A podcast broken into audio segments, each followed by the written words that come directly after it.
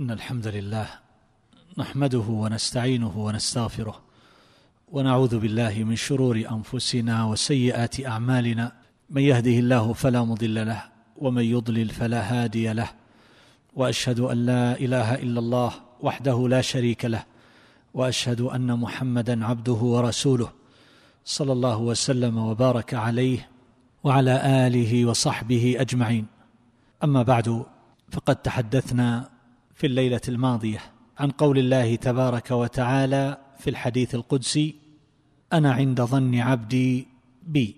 وما يستدعيه ذلك من إحسان الظن بالله جل جلاله وتقدست أسماؤه بخلاف حال أولئك من الظانين بالله ظن السوء فقد توعدهم الله تبارك وتعالى بقوله عليهم دائرة السوء. وكما ذم تبارك وتعالى المنافقين الذين قال عنهم يظنون بالله غير الحق ظن الجاهلية.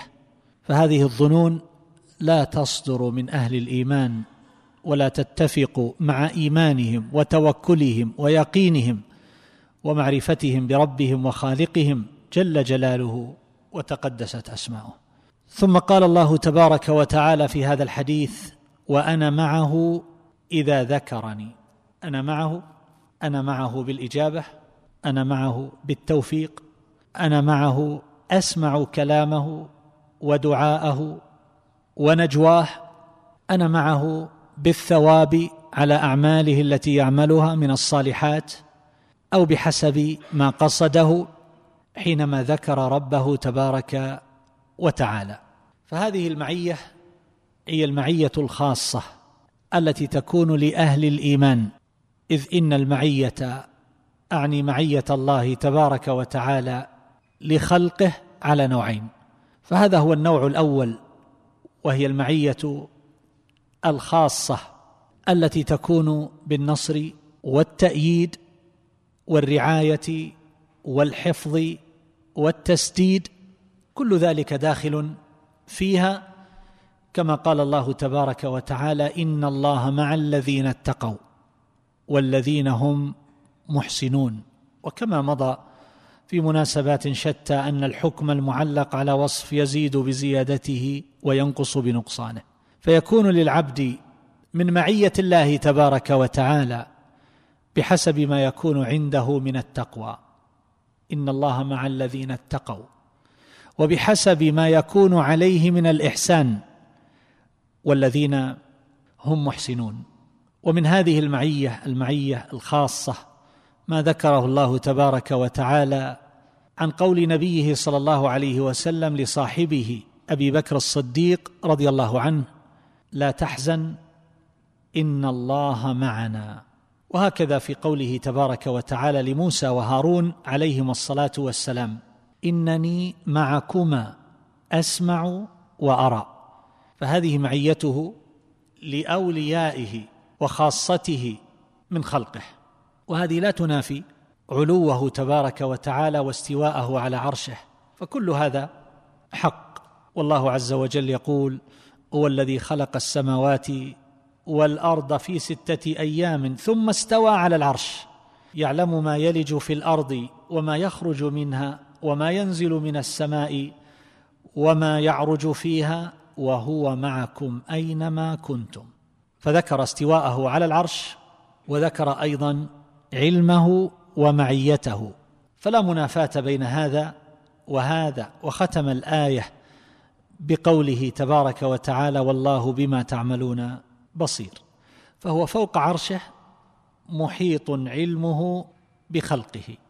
والمعية الأخرى وهي المعية العامة لجميع الخلق بالعلم والإحاطة والاطلاع كما قال الله عز وجل ما يكون من نجوى ثلاثة إلا هو رابعهم ولا خمسة إلا هو سادسهم ولا أدنى من ذلك ولا أكثر إلا هو معهم أينما كانوا. فهذه الآية كما قال الإمام أحمد رحمه الله افتتحت بالعلم واختتمت بالعلم. فدل على أن المراد بهذه المعية المعية بعلمه وإحاطته وكما ذكرنا في الآية التي قبلها. فهما معيتان. فهنا قوله وأنا معه إذا ذكرني هذه هي المعية الخاصة التي تكون مع الذاكرين. ثم قال وإن ذكرني في ملأ ذكرته في ملأ خير منهم.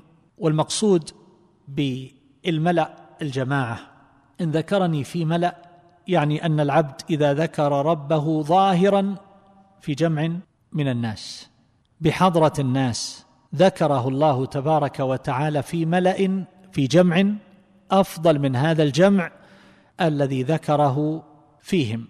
والمراد بذلك الملأ الأعلى وهم الملائكة الكرام عليهم الصلاة والسلام ومن شاء الله تبارك وتعالى. وهذا الموضع أخذ منه بعضهم أن الملائكة أفضل من صالحي البشر لأنه قال ذكرته في ملأ خير من ملئه أو خير منهم. هكذا استدلوا بهذا واستدلوا بأدلة أخرى غير هذا والذين يقولون بخلاف هذا أيضا لهم أدلة وهذه المسألة مما لا يترتب عليه عمل. ولذلك فإن الإعراض عنها هو الأولى والأكمل والأفضل. فنحن لا نستفيد شيئا إذا عرفنا من الأفضل هل هم الملائكة أو الصالحون من البشر. ما ينتج عن هذا أمر عملي نفعله. ومثل هذا في باب الاعتقاد لا يطلب. يعني لا يطالب المكلف بأن يعتقد أيهما أفضل الملائكة أو الصالحون من البشر. وهنا قد يرد سؤال وهو أنه تبارك وتعالى ذكر الأمرين. إن ذكره في نفسه ذكره الله في نفسه وإن ذكره في ملأ ذكره الله في ملأ خير منهم. فقد يفهم من ذلك أن الذكر لله عز وجل بالجهر بحضرة الناس أفضل من الإسرار. ونحن قد تكلمنا على هذه المسألة أيهما أفضل الإسرار بالذكر أو الجهر.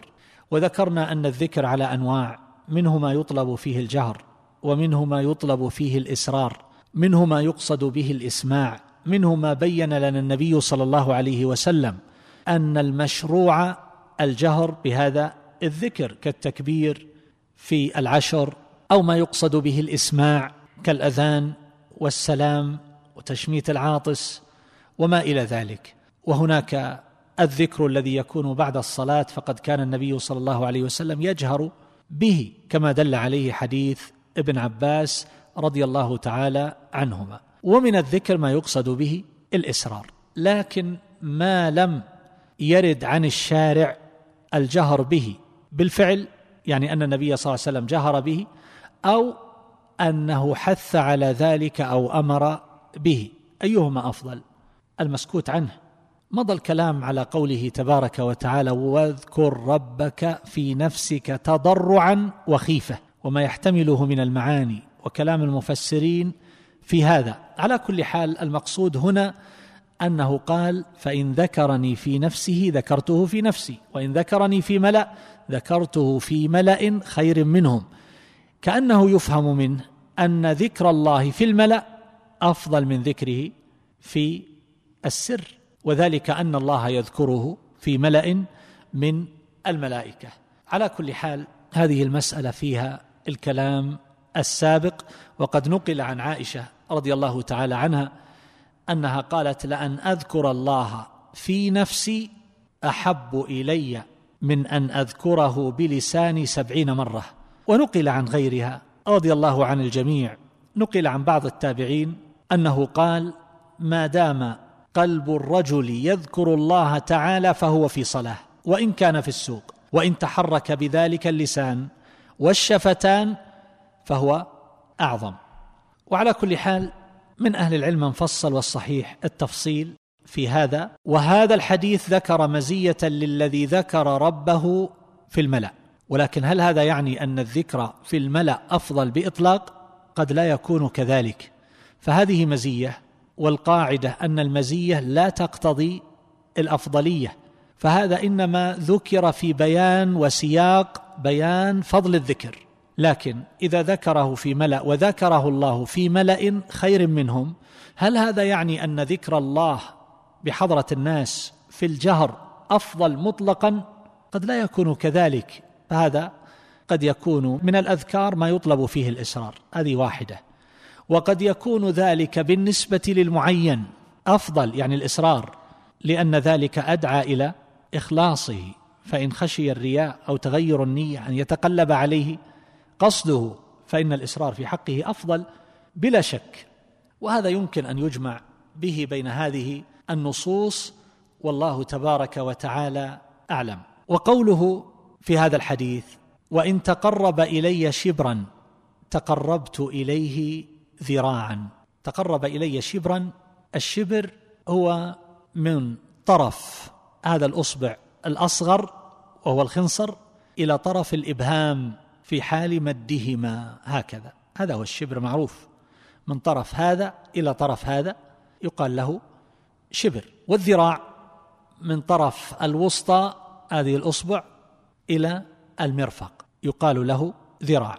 وأما الباع فيكون بمجموع الذراع مع العضد وما يقابله من الذراع الآخر والعضد وما بينهما من الصدر يعني بهذا المقدار. هذا يقال له الباع. فقدره بعضهم بأربعة أذرع.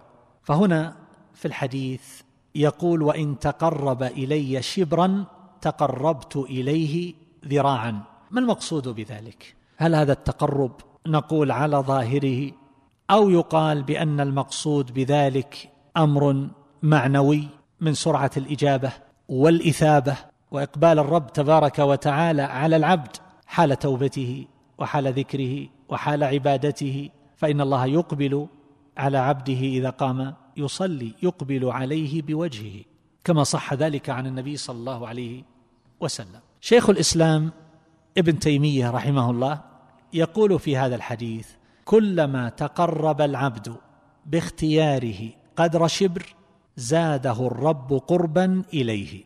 بمعنى أن الذي يقترب بهذا الاعتبار هو العبد حتى يكون كالمتقرب إليه بذراع. يعني أنه بهذا التقرب القليل الله يقربه أكثر. فالله ذو فضل عظيم على عباده ومن أسمائه الشكور.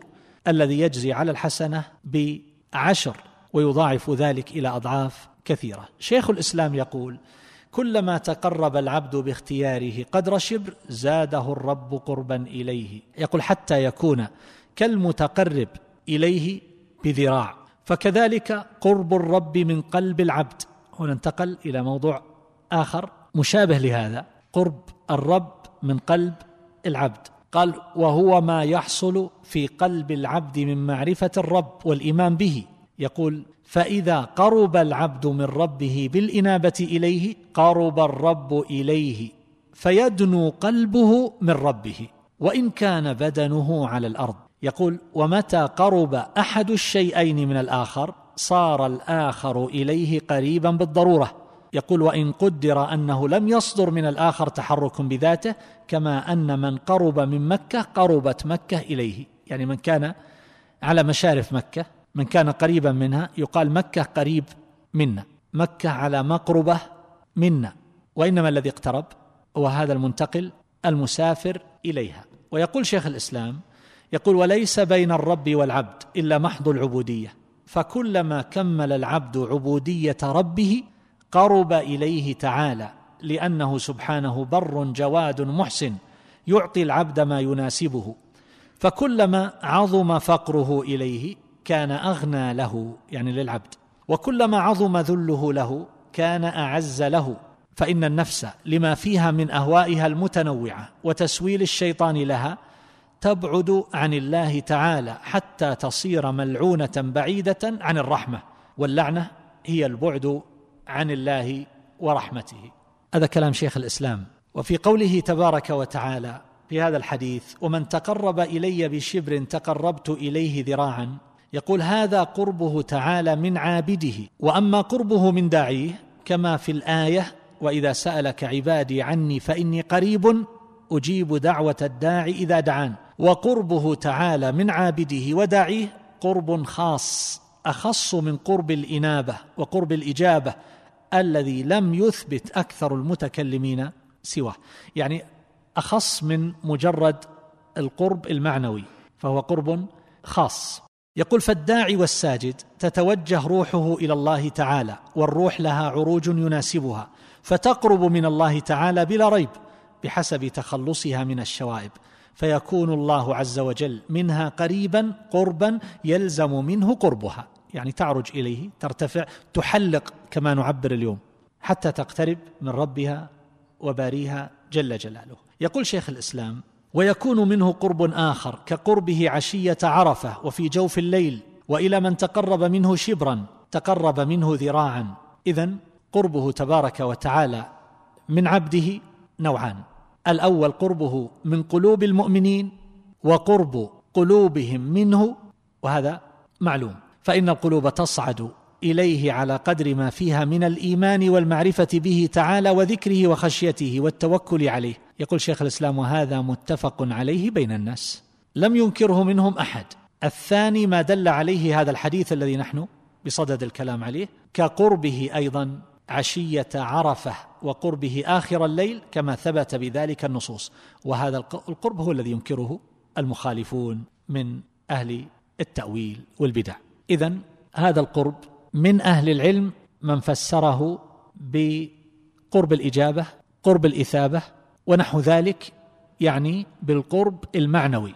وشيخ الإسلام رحمه الله فرق بين نوعين من القرب فجعل هذا ونزول الرب تبارك وتعالى عشية عرفة وما أشبه ذلك أن هذا قرب على ظاهره.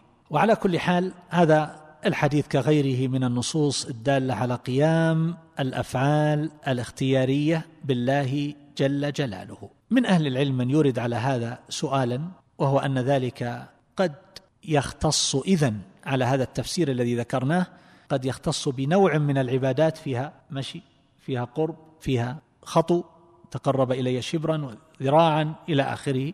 لكن بعض العبادات ليس فيها شيء من هذا كالصيام قراءة القرآن ونحو ذلك. قالوا المعنى أعم من ذلك. فكأن بعضهم مال إلى أنه قرب معنوي لهذا السبب ليعمم المعنى.